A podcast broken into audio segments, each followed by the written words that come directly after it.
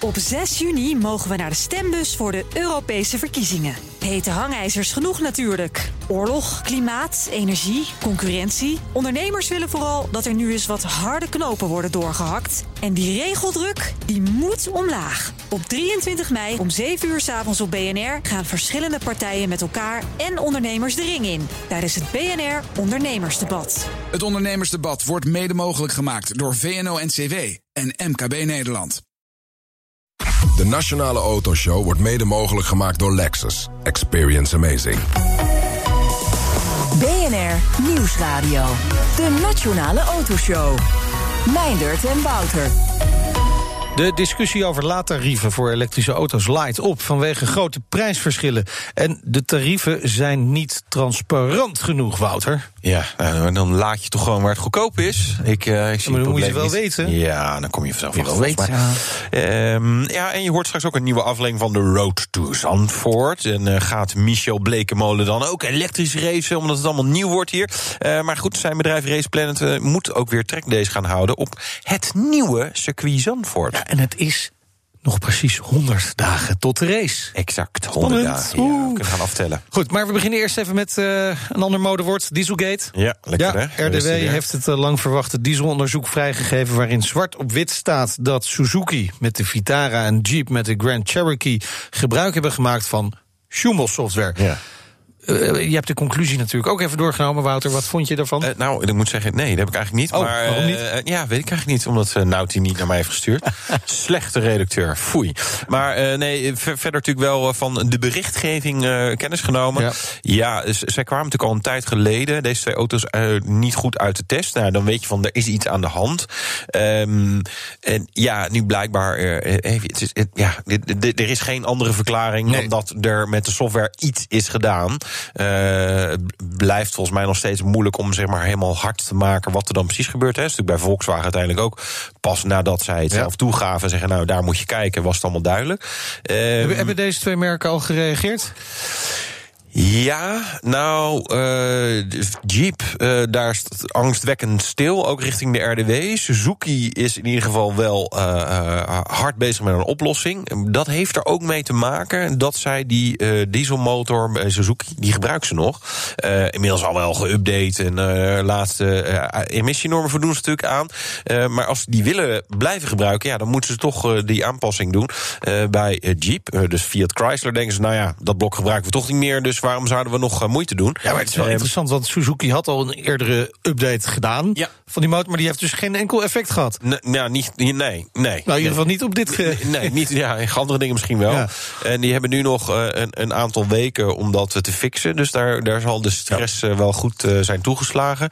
Er zijn niet heel veel auto's op onze markt, denk ik. Hè? RDW heeft het Nee. over enkele honderden auto's. Ja, en dan denk ik, ja, nee, nee niet heel veel. Nee, Eh, maar wel en- vervelend als je ermee zit natuurlijk. Eh, v- Autoshow.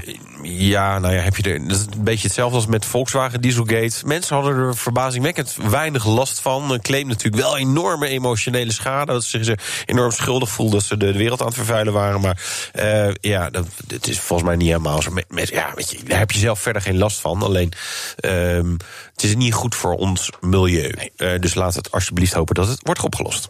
De Nationale Autoshow. Goed, we gaan eh, door met een opvallend onderzoek dat het Kennisinstituut voor Mobiliteitsbeleid deze week presenteerde met als titel Blik op file. Directeur Henk Stipdonk van het Kennisinstituut voor Mobiliteitsbeleid is hier aanwezig om tekst en uitleg te geven. Welkom. Dankjewel. Ehm, de voornaamste conclusie van het onderzoek: Nederlanders vinden files een maatschappelijk minder erg probleem dan tien jaar geleden. Ja, er is een hele verschuiving gaande, lijkt het Keek, wel. keek, keek je zelf ook een beetje daarvan op? Eh, nou, zelf fiets ik altijd, dus eh, ik heb niet zoveel Je ideeën. hebt ook niet wel. zoveel problemen met de file. Nou, ik heb, zo, ik heb zelf zo'n bloedhekel aan de file dat ik, eh, dat ik een andere oplossing heb ja, gekozen. ja, ja, precies, ja. Ja, en misschien hebben meer mensen dat wel gedaan. En, eh, Nou, blijkbaar niet, want er staan wel meer files, toch? Dus dat, dat, het is niet minder druk geworden. nou, het is, het is niet drukker dan tien jaar geleden. Het is net zo druk als tien jaar geleden. En de afgelopen jaren hebben we wel een stijging gezien. Maar Ja. tien jaar terug eh, was het net zo erg. En het is in die jaren daarna eerst wel een beetje gedaald. Economie eh, zwakte wat af. Ja. In de tussentijd waren allerlei geplande rijstroken eh, die bijgebouwd zouden worden, die zijn toch mooi keurig aangelegd. Ja. Dus het was gewoon goed voor de reistijdverlies en voor de files. En inmiddels trekt alles weer aan. Ja. En eh, zoveel rijstroken als toen bouwen we nu niet meer bij. Ja. Dus we zitten nu weer zo'n beetje op het niveau van eh, 2010. Ja. Eh, mobiliteit is wat gestegen. Totale reistijdverliezen zijn hetzelfde.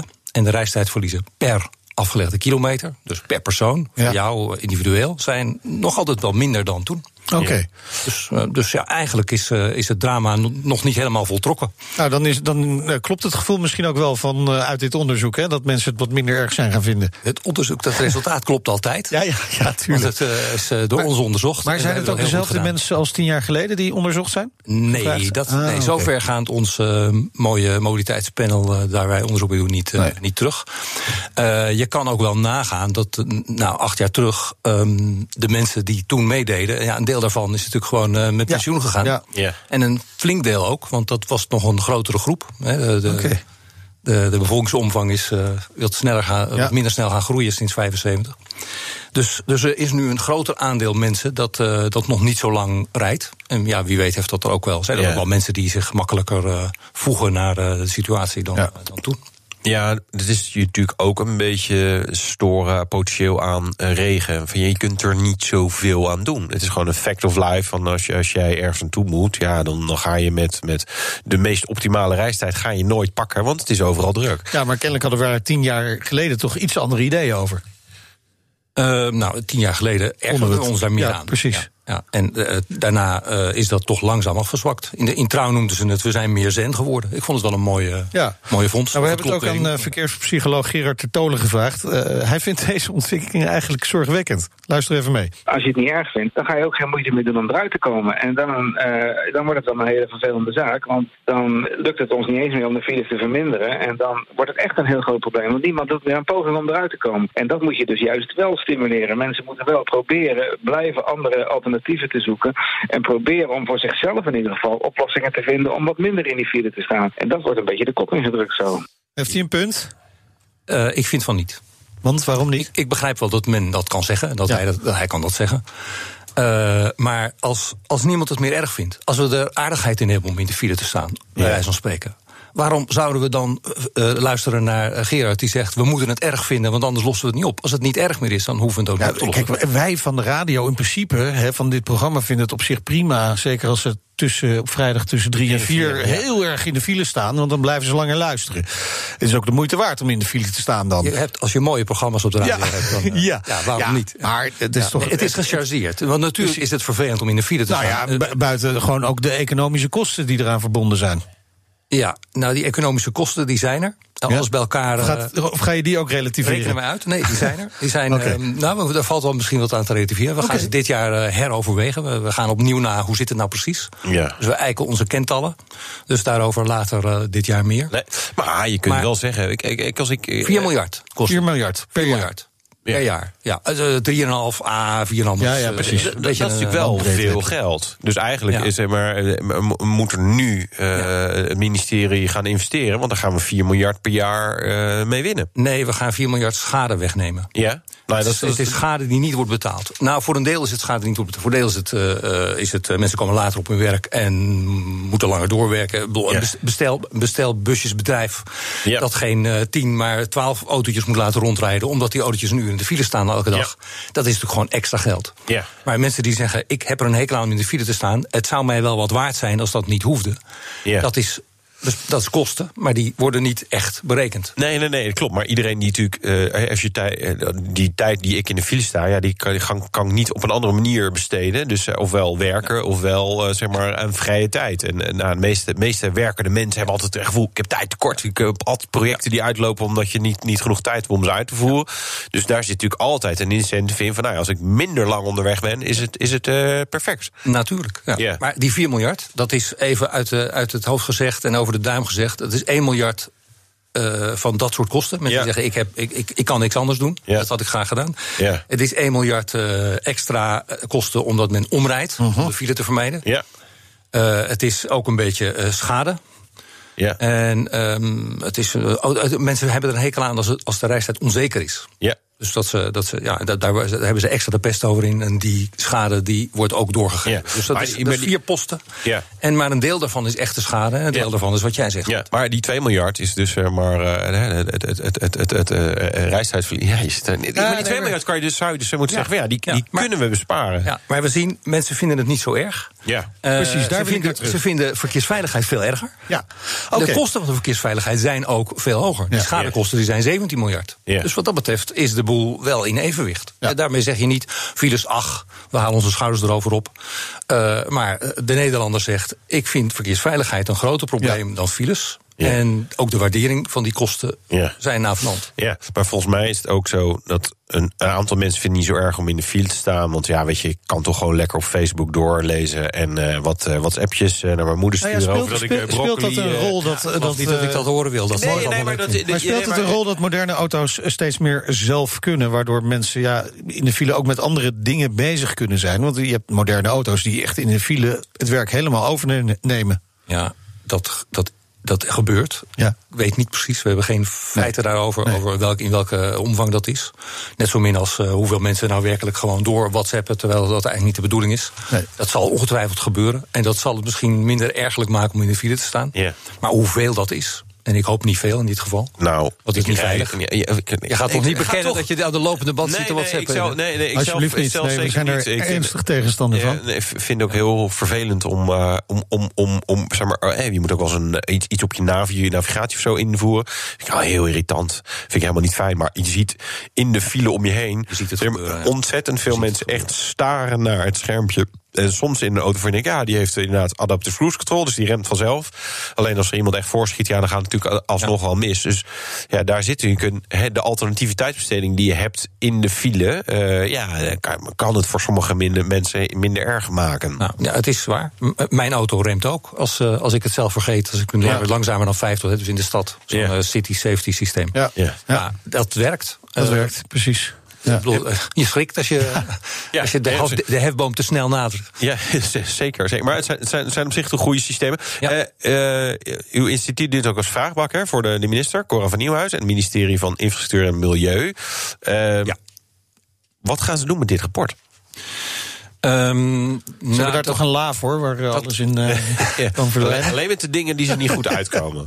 Dit vinden ze misschien wel fijn. Ja, het is niet erg om in de file te staan, dus we hoeven niet in, eh, in wegen te ja, investeren. dat dat is het fijne als je directeur van het kind bent. Dan hoef je niet af te vragen wat ze gaan doen met het rapport. Nee. Wat, ik, wat ik hoop en verwacht is dat daar wat mee gebeurt. En dat Ja. de samenleving er uiteindelijk wat aan heeft.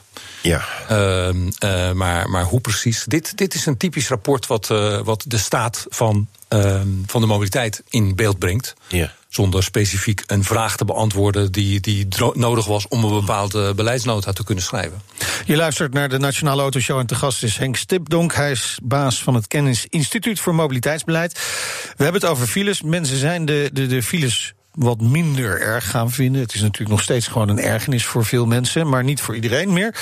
Eh, nou, neemt de afgelopen jaren het aantal files en de lengte van files toch ook echt toe. Eh, dat zal in de toekomst waarschijnlijk nog steeds het geval zijn, kan ik me zo voorstellen. Toch? Ja, ja, ja. we hebben daar eh, in ons mobiliteitsbeeld een paar maanden terug eh, schattingen van gemaakt. Op basis van een. eh, ja, eigenlijk een niet al te ingewikkeld model. Dus je kunt, gewoon, je kunt het gewoon volgen wat er gebeurt. En wat er gebeurt is, de mobiliteit gaat toenemen met naar verwachting 8%. En op basis daarvan heeft de Rijkswaterstaat voor ons geschat wat dat zal betekenen voor de reistijdverliezen. Ja.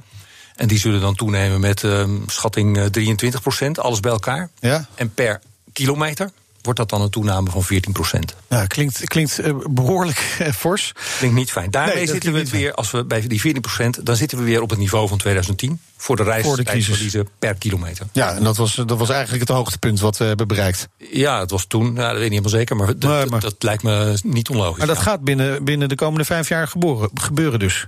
Ja, als we niks doen, gaat dat Als gebeuren. we niks doen, en als kijk. die mobiliteit zich ontwikkelt op dezelfde manier eh, als, eh, nou, evenredig met de mobiliteit van nu. Ja. Als iedereen besluit om s'nachts te gaan rijden, zal het meevallen. Ja, nee, precies. Maar, maar zijn de maatregelen die zijn aangekondigd door eh, de minister hierin meegenomen? Hè? Want je zegt als er niks gebeurt. Wat is meegenomen, dat is de verwachte, eh, de verwachte aanleg van extra infrastructuur. Dus er zijn hier en daar nog wel stroken die bijgebouwd worden. Ja. Uh, en dat soort, dat, soort, uh, dat soort maatregelen zijn meegenomen. En de schatting is dat dat alles bij elkaar dus niet toereikend zal zijn om dat nee, probleem nee, te lossen. maar eigenlijk zit het al in hoe je het verwoordt. Hè. Hier en daar wat rijstroken worden meegenomen. Ja, nee, ja, toch, het kost ook geld. Tot een, eh, 2030 ja. wordt er wel duizend kilometer extra asfalt aangelegd. Dat klinkt toch niet als heel weinig? Nee, dat is niet heel weinig. Nee, nee. Maar niet genoeg. Maar het is niet het hele genoeg. land mee door. Het is niet Ja. genoeg. Nou, althans, het is niet genoeg om deze rei- reistijdverlies eh, toename mee terug te, Nee, terug te maar nemen. misschien wel af te remmen. Zeker. Ja, Zeker. Want anders helpt- was het, nog helpt, veel erger. Het helpt, Het helpt Ja. dus wel. Het helpt altijd. Ja, er is altijd een keerzijde aan. Hè. Hoe meer mobiliteit, Ja. hoe meer CO2-uitstoot. Ja. Eh, als, we alle, als we geen files zouden hebben, zouden mensen meer en vaker en verder reizen. En zouden we gewoon meer me- mobiliteit hebben, omdat het kan. Ja. Dus die files zijn ook een klein beetje, ja, niemand wil het horen natuurlijk, maar ze zijn ook een, een, een, een natuurlijke remmende factor. Ja. Want eh, dat, is, wel- dat is het andere probleem Maar, dat we hebben. ja. Eh, Want dan we zou je zeggen, leg 2050 vooral geen eh, extra asfalt meer. Dus stop, stop die duizend kilometer. Ja, Ja. wat, ja, ik zeg het niet hoor. Ik- maar ik kan zo voorstellen dat er mensen zijn niet. die dat zeggen. Ik zeg het ook niet, ik ga er niet over. Nee, dat is wel lekker makkelijk. Nou ja, wij zijn een kennisinstituut. Ja. Geen, eh, geen, Nee, geen, geen politieke partij. Nee. En geen beleidsafdeling. Maar, bent u wel voorstander van aanleg van meer asfalt? Ehm, ik ben niet per se voorstander van aanleg van meer afstand, eh, asfalt. Niet, niet per se. Nee, Dat ook niet per per se se tegen, tegenstander. dus. Nou, wat ik, wat mijn positie is dat als iemand zegt we gaan zoveel meer asfalt afleggen, wat gaat dat doen voor Ja. de ontwikkeling van de mobiliteit of de reistijdverliezen, dat we dat uitrekenen. Ja, maar en, en, en puur rekenkundig ge- gezien, hè, want net al de t- 2 miljard hè, kost het per jaar. Ehm, volgens mij kan je daar een rekensommetje op loslaten. Van nou, voor die 2 miljard kunnen we, kunnen we heel veel asfalt neerleggen. En dat loont dus. Want ja, daar ga je, ga je dus daar eh, extra arbeidstijd bijvoorbeeld mee eh, creëren. Minder We hebben, ook, we hebben ook 17 miljard schade door verkeersonveiligheid. Ja. En het eh, nemen van maatregelen om die verkeersveiligheid te verbeteren, dat loont ook. En Ja. dat loont misschien nog wel meer per Ja, inve- Precies, geïnvesteerde euro. ja. Ja. En dat is precies waarom ik daar niks over wil zeggen. Het is Ja. de politiek die die afweging moet maken tussen Ja. het probleem in de landbouw oplossen of het probleem eh, in, de, in de verkeersveiligheid oplossen. Of een combinatie. Of een combinatie. Ja. Ja. En dat is raar. Of in de zorg of in de Ja. veiligheid, weet ik het. files oplossen. Dan heeft iedereen eh, zeg maar een uurtje meer eh, per dag. En eh, ook die verpleegster die eh, in, in de file staat. Dus nou, dan hebben, hebben we minder verpleegsters en eh, leraren nodig. Het is geen uurtje. Het is, nou, eens even, even kijken, waar heb, ik dat, waar heb ik dat staan? Volgens mij is het gemiddeld 43 minuten 43 Nou, minuten. per week. Per week. Per week voor mensen die regelmatig in de file staan. Maar dan rekenen we dus regelmatig Ja, ja. vanaf één dag. Ja. Dus het is, je, je hebt misschien de mensen in, in, in gedachten die dagelijks eh, eh, een uur of langer in de file staan. Mijn, mijn vrouw rijdt ook regelmatig op en neer naar Houten. En dat komt, overkomt haar dat ze zowel s morgens als s avonds een uur in de file staan. Ja. Maar die kan ook niet uitwijken. En Nee. eh, die heeft ook een heel onprettige route. Dat geldt natuurlijk lang niet voor iedereen. Nee. Nee. Nee, maar ik denk. Gelukkig als, maar. Als de mensen die er last van hebben, die, die weet je, kijk, eh, eh, vijf minuten vertraging, ja, weet je, dat is voor, voor niemand echt een issue. Dus het zal vooral als, als, als de, dit soort eh, trajecten, langere afstanden en dan een uur extra, weet je, da- daar, daar zit natuurlijk echt de pijn.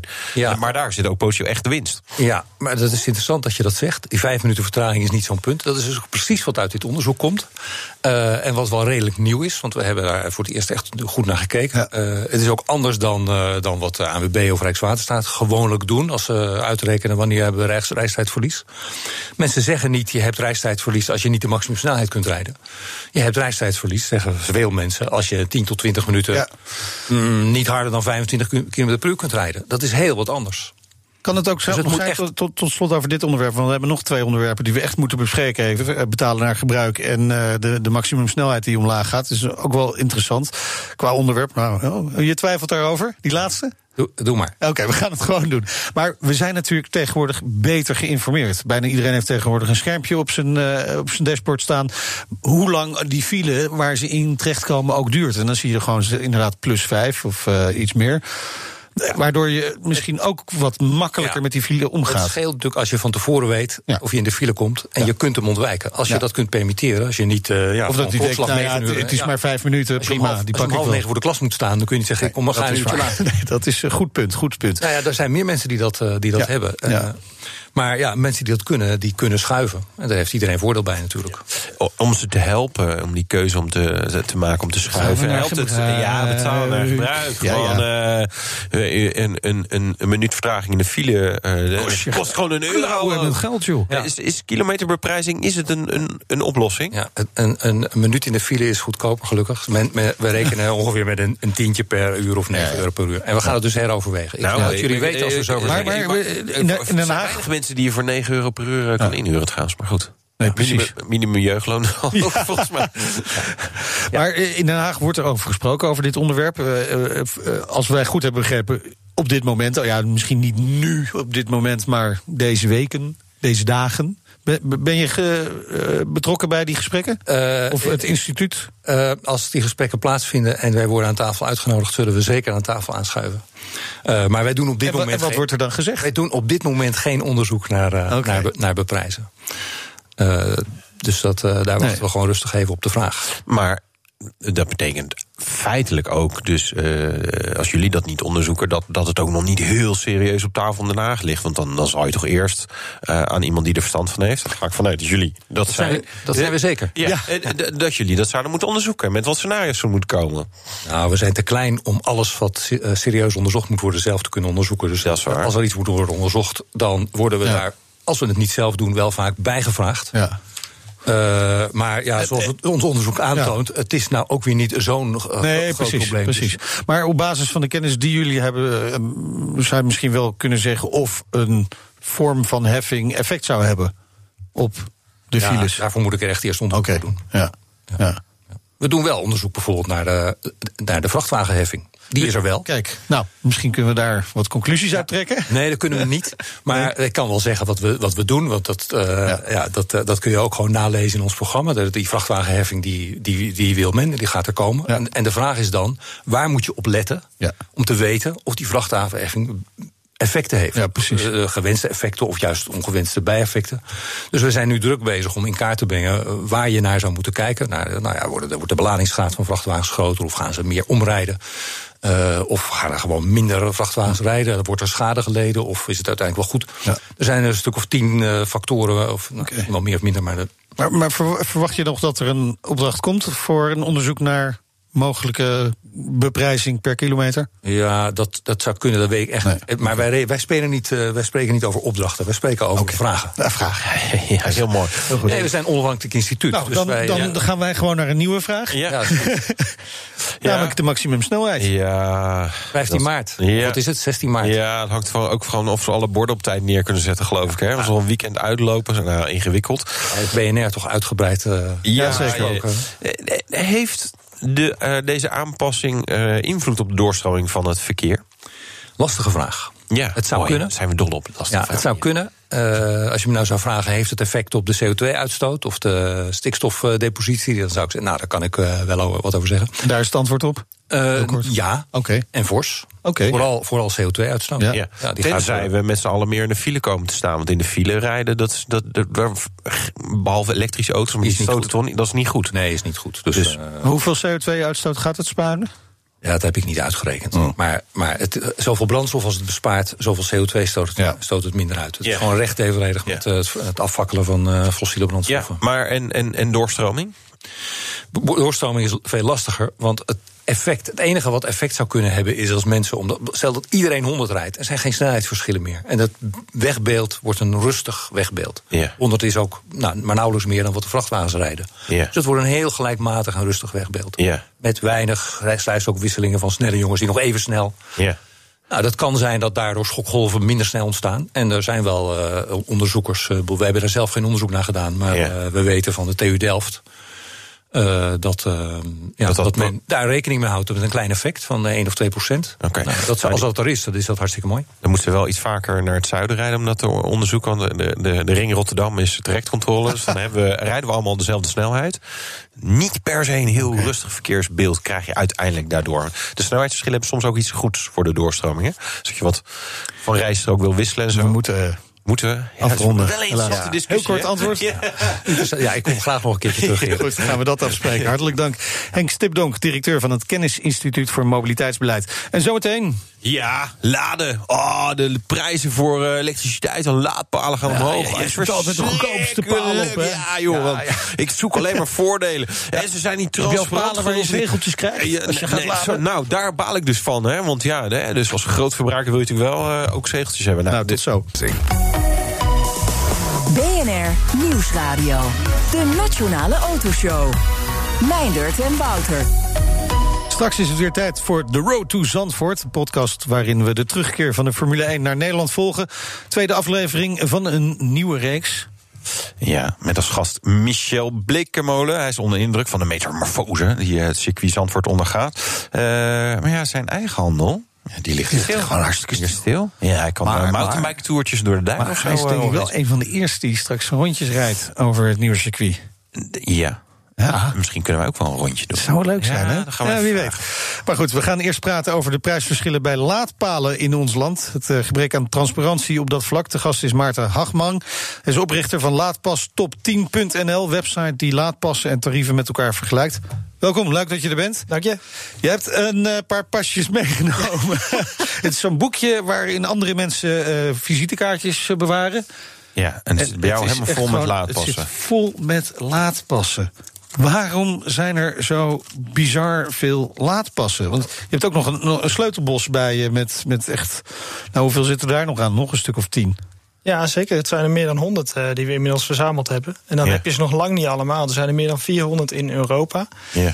En eh, ja, er komen elke week weer nieuwe bij. Het is een, eh, ja, een hype aan het worden, lijkt het wel. Maar ben je nou een soort postzegelverzamelaar van laadpassen? Of, of wat wil je ermee bereiken? Want zou je wel zeggen, Waar, waar komt die fascinatie vandaan? Eh, nou, eigenlijk eh, door het gebrek aan transparantie ben ik ze gaan testen eh, zelf. Om te kijken van ja, wat zijn, die wat zijn die tarieven nou eigenlijk? Ja. En eh, ja, omdat je niet van tevoren aan een laadpaal kan zien wat je ervoor betalen moet, kun je er maar op één manier achter komen. En dat is gewoon. Pas je testen. ervoor. Laden. Ja, Ja. precies. Dus ik sta soms een hele ochtend met zo'n hele rits passen. Je staat er echt Te gewoon letterlijk te testen. met, ja, dat is de enige manier om er ook achter te komen. dat is de enige manier. Ja. Ja. En, maar en zijn er bedoel, tarievenverschillen? Zijn er verder ook nog andere verschillen tussen die, passen? Eh, Of is het als, zoals een pinpas dat je ze eigenlijk allemaal wel overal kan gebruiken? En nou, wat we in Nederland hebben, dat is best wel uniek. Eh, elke Nederlandse laadpas kan je bij elke Nederlandse laadpaal gebruiken. En Ja. da- daar kijkt de hele wereld ook, ook echt naartoe als iets heel bijzonders. Ja. En, dus het lijkt mij heel normaal. Want anders, eh, weet Ja. je, wat moet je anders doen? Zes passen meenemen. Precies. Nou ja, eh, de- in Duitsland is dat dus zo. Ja. En in, in andere landen eh, Ja. is het per stad eh, kan het verschillend zijn. Niet zo handig. Nee. Maar dat betekent dus ook hè, dat mensen die nu met hun eh, elektrische auto naar het buitenland willen, daar aan de voorkant al rekening mee moeten houden. Om te checken van is, is mijn pas wel geldig überhaupt? En waar allemaal? Ja, precies. En eh, da- dat inzicht dat geven wij. Dus eh, ja, wij vertellen je bij welke snellaadpaal eh, de laadpas werkt, in welke landen een goede dekking is, eh, allemaal dat soort dingen. Jeetje. Ja. Wel, ik, dit is vooruitgang, noemen we dit dan, hè? Maar, maar, Ja, maar, ja, maar weet je, nee, maar met, met de. Nee, maar, je zou toch gewoon met je telefoon eh, moeten kunnen? Ja. Zijn er al eh, laadpassen die op de mobiele telefoon zitten, op de Eh, smartphone? ja, sommige. En eh, een aantal snellaadnetwerken kun je ook met creditcard of pinpas betalen. Ja. Dus op zich gaan we daar wel. wel Ja. maar Waarom zou niet gewoon überhaupt alles gewoon met pinpas? Weet je, waarom, weet je ook, en, en wat tegenwoordig kan je met je telefoon of met je smartwatch, weet je, wel, je kan gewoon bam, portalen, hup, weg. En nou ja, je Ja. ziet, die verrekening doen we wel een keer. Het is de meest gestelde vraag eh, die wij ook binnenkrijgen: van waarom kan je niet gewoon met je pinpas bij een laadpaal betalen? Het heeft eigenlijk twee redenen. De, de eerste is dat een betaalterminal geld kost. En, die- en er moet een partij zijn die, die, eh, ja, die dat betaalt. Ja. En eh, dat drukt dus op de, ja, op de, kosten, laten we zeggen, voor de exploitanten. Ja. En eh, de tweede is dat er ook allerlei regeltjes aan zitten van banken voor betaalterminals. En dat is in de publieke ruimte, dus dat schijnt vrij ingewikkeld te liggen. Ja, dus wat hierop staat op deze kaart, einfach stroomladen plus.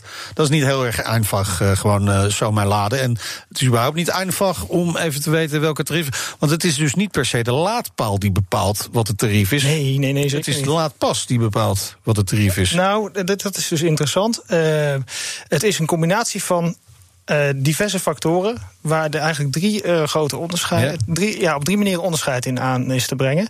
Eh, de eerste is de prijs van de exploitant, dus de, ja, de, zeg maar de Nuon, die bijvoorbeeld de prijs vaststelt op de, ja, op de laadpaal zelf.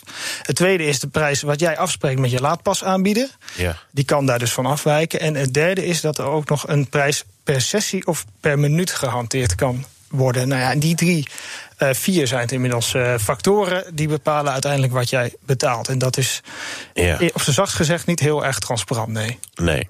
Eh, en hoe ga je dan daar als gebruiker mee om? Eh, ik, mijn neiging hierbij zou zeggen: van, joh, boeien, ik, eh, laat maar. Ik ga er niet eens tijd aan besteden, want het is zo ingewikkeld. Ik, ik weet je, ik ram die laadpassen langs. Eh, maar eh, 99% van de elektrische auto's is toch zakelijk. Dus ja, weet je, zakelijke kosten. Heel, hoe erg kan het zijn? Ik, ik denk dat dat de neiging is die veel mensen hebben. Ja, dat klopt. En dat is zakelijk ook de, meeste, de reactie die het meest voorkomt. Van, nou ja, ik krijg zo'n ding van de baas en Ja, uh, hoppakee, haal hem ja. langs de paal, prima. Ja.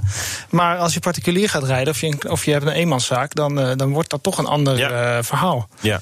En eh, ja, eh, dat zie je dus nu steeds meer gebeuren. En daarom ja, wordt het toch een steeds actueler thema. Ja, maar, maar hoe kan je daar dan gebruik van maken? Dat je, dat je zo min mogelijk betaalt. Dan moet je dus zeg maar, met een soort, soort studie vooraf gaan doen van kijk, waar ga ik laden en hoe lang en op welk tijdstip. Nou ja, maar die studie doen wij dan. En dan is de bedoeling dat je dan bij ons even komt kijken Ja. op de top 10. eh, ja, wat de beste deal voor jou is en wat het beste bij jouw mobiliteit eh, behoefte past. Ja, maar de, de kern van mobiliteit is dat je ook naar plekken gaat waar je niet eerder bent geweest. Of dat is, ja, je gaat op vakantie en dan ga je door Duitsland. En dan de volgende keer rij je door Frankrijk. En, eh, en het verandert natuurlijk ook. Want eigenlijk is het ook heel dynamisch. Eh, Wat nu voordelig kan zijn. Maar bijvoorbeeld Ionity was heel voordelig. En is straks niet meer zo voordelig. Dus. Dit, eigenlijk is het ook iets wat continu verandert. Ja, ja, dat klopt. En dat, is ook, en dat is ook het grappige. De essentie van mobiliteit is natuurlijk dat je, ja, dat je reist. En, eh, en daarom is het ook zo grappig dat als je dan de Duitse grens overgaat, dat er dus laadpassen zijn die daar gelijk niet meer werken. Dan denk je, Nee. ja, dan heb je de essentie van mobiliteit toch een beetje gemist. Om door Europa een beetje oké te kunnen reizen, hoeveel, hoeveel laadpassen zou je mee moeten nemen? Ehm, twee of drie. Nou, Je hebt valt echt op geen zich nog wel mee. nodig, nee. Valt op zich wel mee. Ja. En eh, laten we zeggen, eh, tankkaarten zijn ook niet altijd eh, in alle andere landen geldig. hè. Als je gewoon nog ouderwets diesel of benzine tankt of gas. Leuk dat je het ouderwets noemt, dat vind ik nog wel grappig. Nou ja, good old fashion, laat ik dan zo zeggen. Ik ben er toch wel dol op hoor. Ik hou er nog wel van. Ehm, de- de- dan heb je eigenlijk misschien wel dezelfde problemen gewoon. Ehm, nou ja, eh, dat weet ik niet precies hoe dat met die, eh, met die mobiliteitskaarten, met brandstofkaarten gaat. Maar eh, ik, wat ik wel weet is dat je, je kan in principe met één pas heel Europa door. Ja. Maar ja, ben- ga je naar tarieven kijken en ben je, ben je bijvoorbeeld in bepaalde gebieden waar die pas wat minder dekking heeft, dan, Ja. dan kan het handig zijn om extra passen mee te nemen. Maar ja, die tarieven ook weer, hè, want dan gaat het even over transparantie. Bij, transparantie. Bij tankstations heb je ook allemaal verschillende tarieven. Alleen hier zien we dat, wat het tarief is van Ja. een eh, litertje euro 95 of een litertje diesel. Ja, het tarief bij, eh, bij brandstof is natuurlijk, eh, ja, die zitten in een bepaalde bandbreedte. Ja. Iedereen weet van, nou, er zit ergens tussen de 1,20 en de 1,50, ik noem maar even, even wat. Ja, dan zit je wel met diesel. Nou, oké. ja. Of dan woon je Ja, niet daar in heb ik dan weer geen verstand van. Doen jullie dat stuk dan maar? Ja, is goed. maar eh, ja, omdat elektriciteit natuurlijk een commodity is... en je het gewoon thuis uit een stopcontact haalt... kan, kan niemand zich eigenlijk voorstellen wat het is... om bijvoorbeeld een pasje te krijgen waar je een maand lang gratis mee kan laden... zoals een grote snellaadaanbieder vorige maand gedaan heeft. Ja.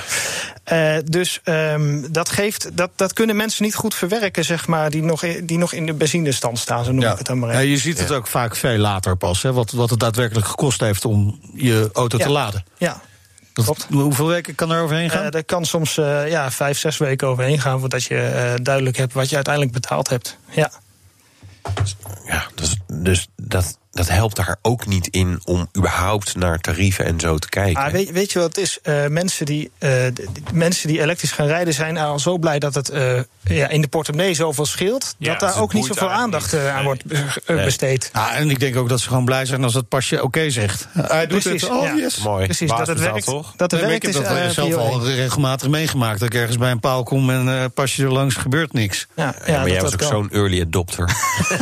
Ja, ik ben ook een early stopper dan. Dan weer uh, gelijk. Maar uh, oké. Okay. Wat is een goede prijs om, om te moeten betalen voor een kilowattuur stroom? Er is geen eenduidig antwoord op te geven. Je, ja, dat vind ik geen leuk antwoord. Ja, nee, dat snap ik. Maar kijk, uh, benzine langs de snelweg heeft ook een andere prijs dan benzine in de stad. En ja. zo is het met, met laadtarieven ook.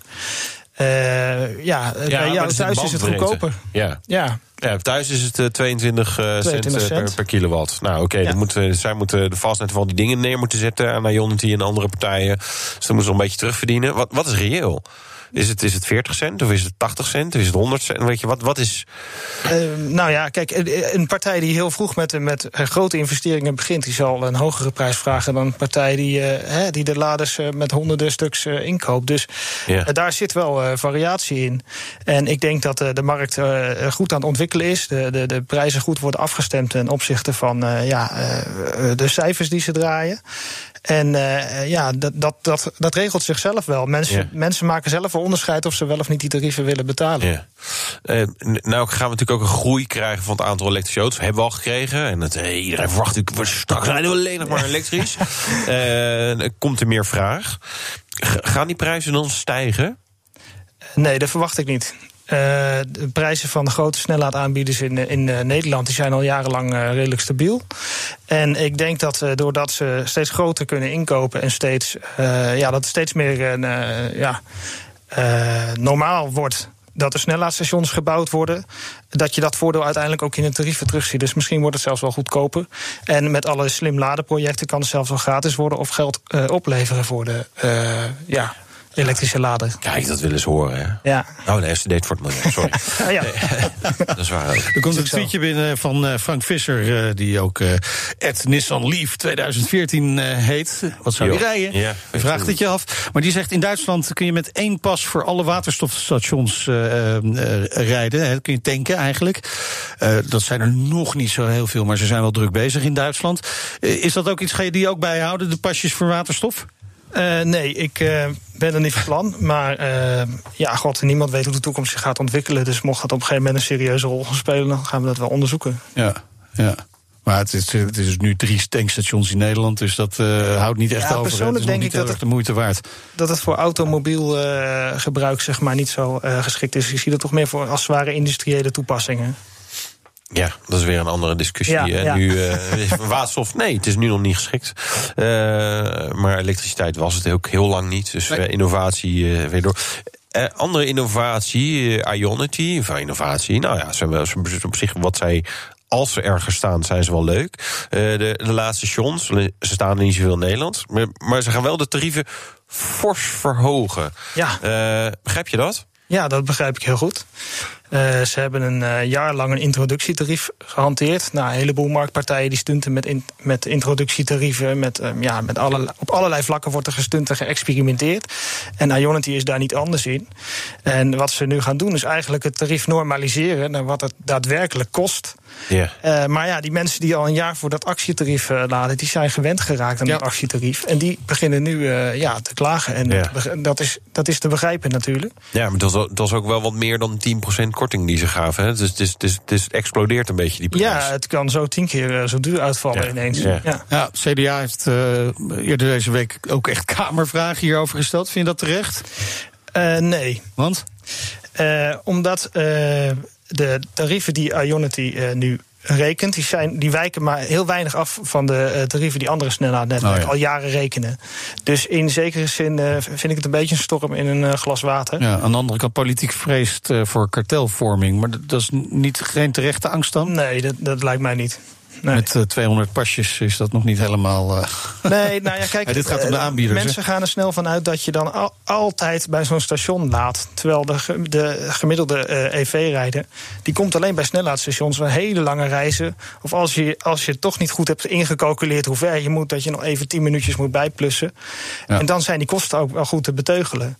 En ja. Uh, ja, het is dus niet zo dat de mobiliteitskosten van iemand in één keer factor 10 stijgen. Zo, zo zit het niet. Nee, in principe laat je natuurlijk thuis. Of ja, de meeste wel. aan een langzame Of op paal. het werk. Ja, of op het werk nog Precies. fijner. Betaalt de baas het ook nog, hè? Ja, ach, joh, hé. Hey. Ik zie alleen maar voordelen door zo te doen. um, die tarieven, er is wel discussie geweest over transparantie van het tarieven. Is, is, is, maar ik voel in jou een beetje, het is niet echt een issue. Nou, uh, kijk, het is een consumentenrecht om te van tevoren te weten wat je exact voor een product of een dienst betaalt. En dat kan je bij een laadpaal, dan weet je dat gewoon niet. Uh, dus dat is eigenlijk vrij makkelijk op te lossen door bijvoorbeeld uh, gemeente Den Haag. Uh, wat die doen is, die plakken gewoon een stickertje erop. Het tarief is 30 cent per kilowattuur.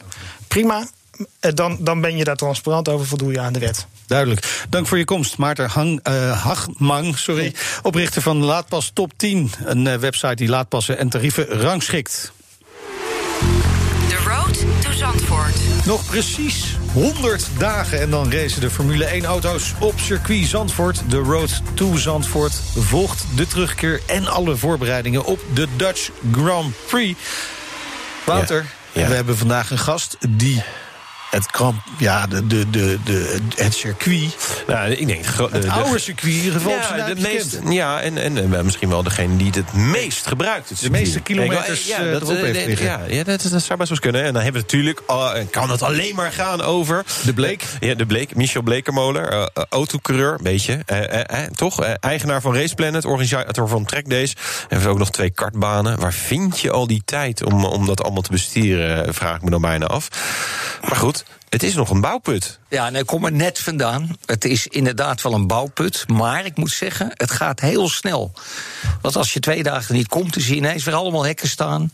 De vanghekken die allemaal gemaakt moeten worden. Niet eh, te vergelijken met. Uh, en te verwarren met de vroegere vanghekken waar je met je auto in knalde. Maar dit is echt om de losstaande wielen tegen te houden als die af mochten breken. Dus uh, ja, het, het, ziet er wel spannend uit. Maar je volgt de verbouwing dus op de voet. Nou ja, ik ben geen uh, uh, circuit Zandvoort.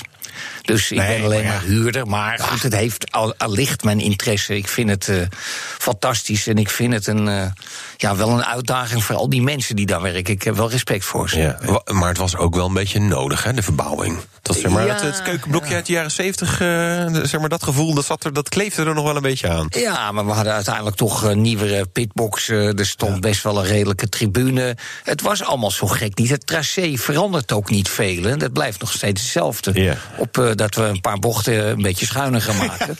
maar uh, voor de rest uh, is het en, uh, en was het eigenlijk best wel een goed circuit. Ja. Maar als je toch even naar die veranderingen kijkt, en dan hebben we het natuurlijk met name over die kombochten. Wat, wat vind je er allemaal van?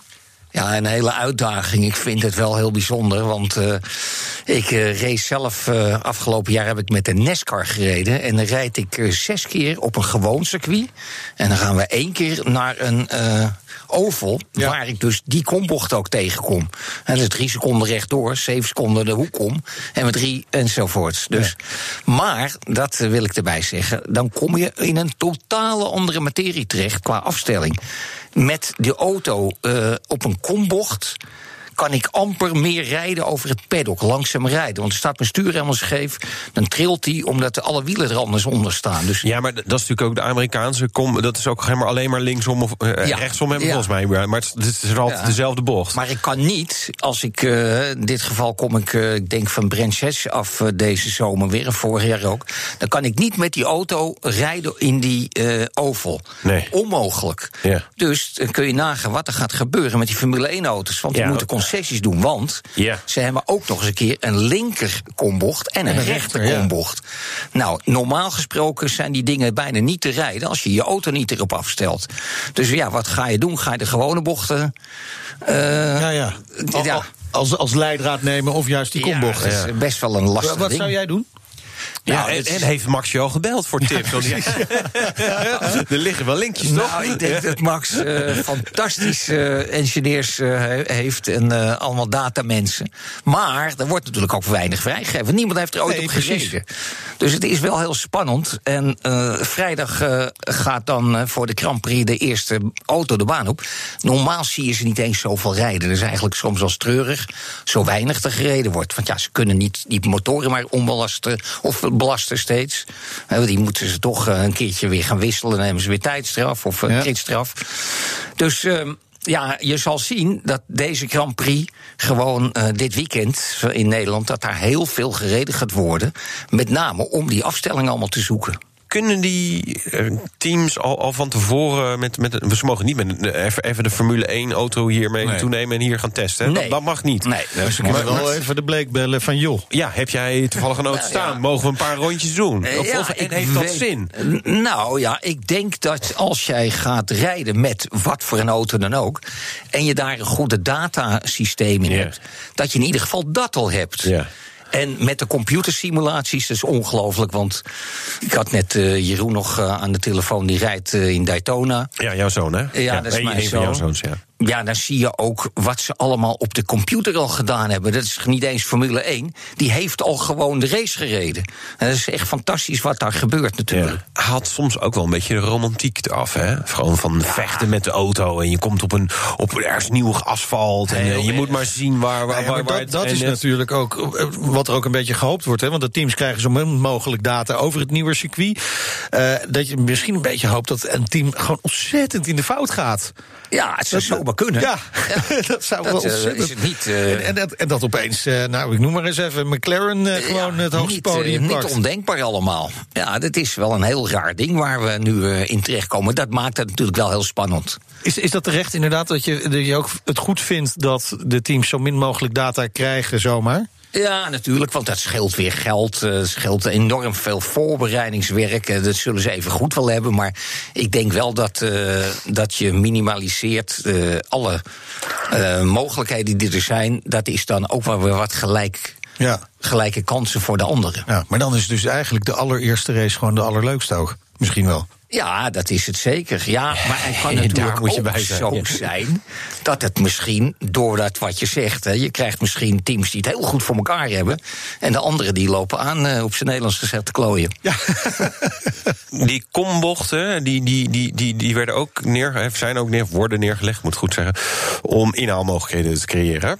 De sportief directeur Jan Lammers. Hij, hij zegt ja, ja, vijf, misschien zelfs zes inhaalmogelijkheden op, he- op de nieuwe baan. Zie jij die ook? Nou, kijk, ook die kombocht, daar zit weer een ideale lijn. Hè, we hebben allemaal die ideale lijn op de weegschaal, maar op het circuit Ik heb hem nog niet gevonden voor mezelf. Ik zat wel te kijken. Die ligt wat onder het eh, reële gemiddelde. Ja. Nee, maar wat natuurlijk ehm, is moeilijk om te zeggen. Maar er komt weer een ideale lijn. Ja.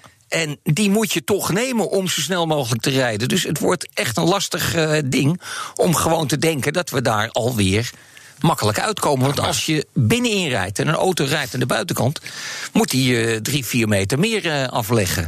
Ja. Maar, maar Dus- Lammers heeft het over vijf à zes eh, inhaalmogelijkheden. Zie jij die dan niet? Eh, Of in ieder geval minder? nee, die zie ik niet zo snel ontstaan. Nee, er zijn wat rempunten voor de. Waar, waar is de beste plek? Dat blijft natuurlijk de tarsenbocht. En dat heb je nog een beetje rechtstuk. En natuurlijk kunnen ze de vleugel naar beneden doen al voor de kombocht. Dus dan hebben ze al een soort van aanloop. Ja. Dat is natuurlijk in feite heel mooi. Dus de tarsenbocht zal eh, de place to be zijn. Wil je nog twee auto's naast elkaar Ja, die zien. kombocht heb je gewoon de DRS nodig om, eh, om daar te kunnen inhalen. Ja, ja, ja. Als je niet binnen een seconde zit, dan, eh, dan is het gewoon erachteraan sluiten. Ja, dan moet je weer achteraan sluiten. En dan wordt het heel lastig. Want dan kom je bij de volgende Gerlach en weer een kombocht. En dan ga je het hele slotenmakerstuk af richting schijfvlak. Nou, daar passeren is wel heel lastig hoor. Dat gaat niet lukken.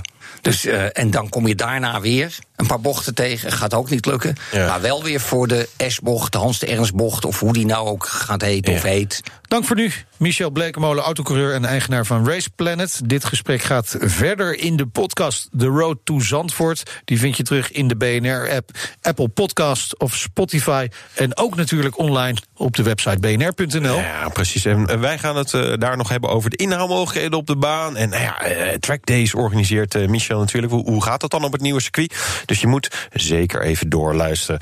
Dit was de Nationale Autoshow. Tot volgende week. De Nationale Autoshow wordt mede mogelijk gemaakt door Lexus. Experience amazing.